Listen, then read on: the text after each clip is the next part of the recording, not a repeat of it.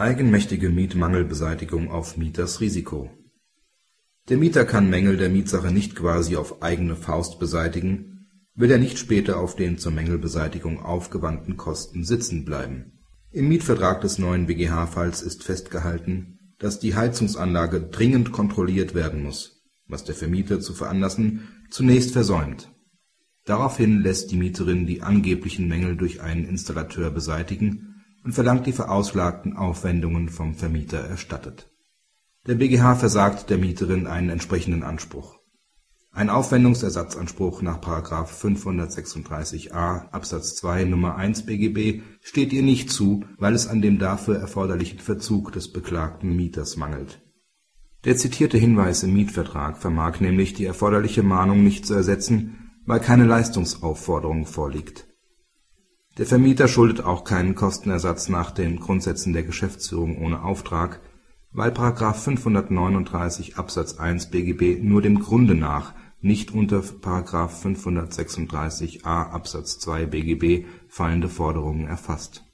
Da eine Mahnung den Verzug des Vermieters nicht begründet hat, kommt letztlich auch ein Schadensersatzanspruch gemäß § 536a Absatz 1 BGB nicht in Betracht Zudem soll nach der gesetzlichen Wertung zunächst der Vermieter entscheiden können, auf welche Weise und durch wen eine Mangelbeseitigung erfolgen soll.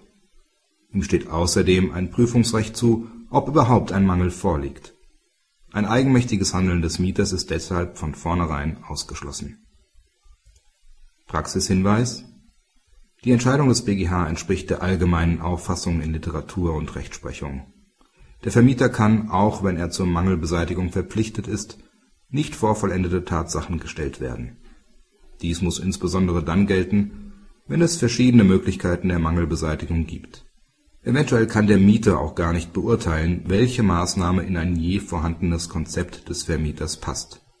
Daher muss er ihm Gelegenheit geben, dem Mangel nach seinen eigenen Vorstellungen abzuhelfen. Letztlich erfordert § 536a BGB nur bei Gefahr im Verzuge keine gesonderte Mahnung da sich diese auf den Bestand und nicht auf die Gebrauchsmöglichkeit der Mietsache bezieht, dürften solche Fälle in Wirklichkeit eher die Ausnahme darstellen. BGH-Urteil vom 16.01.2008 8 ZR 222 aus 06 Beck RS 2008 02630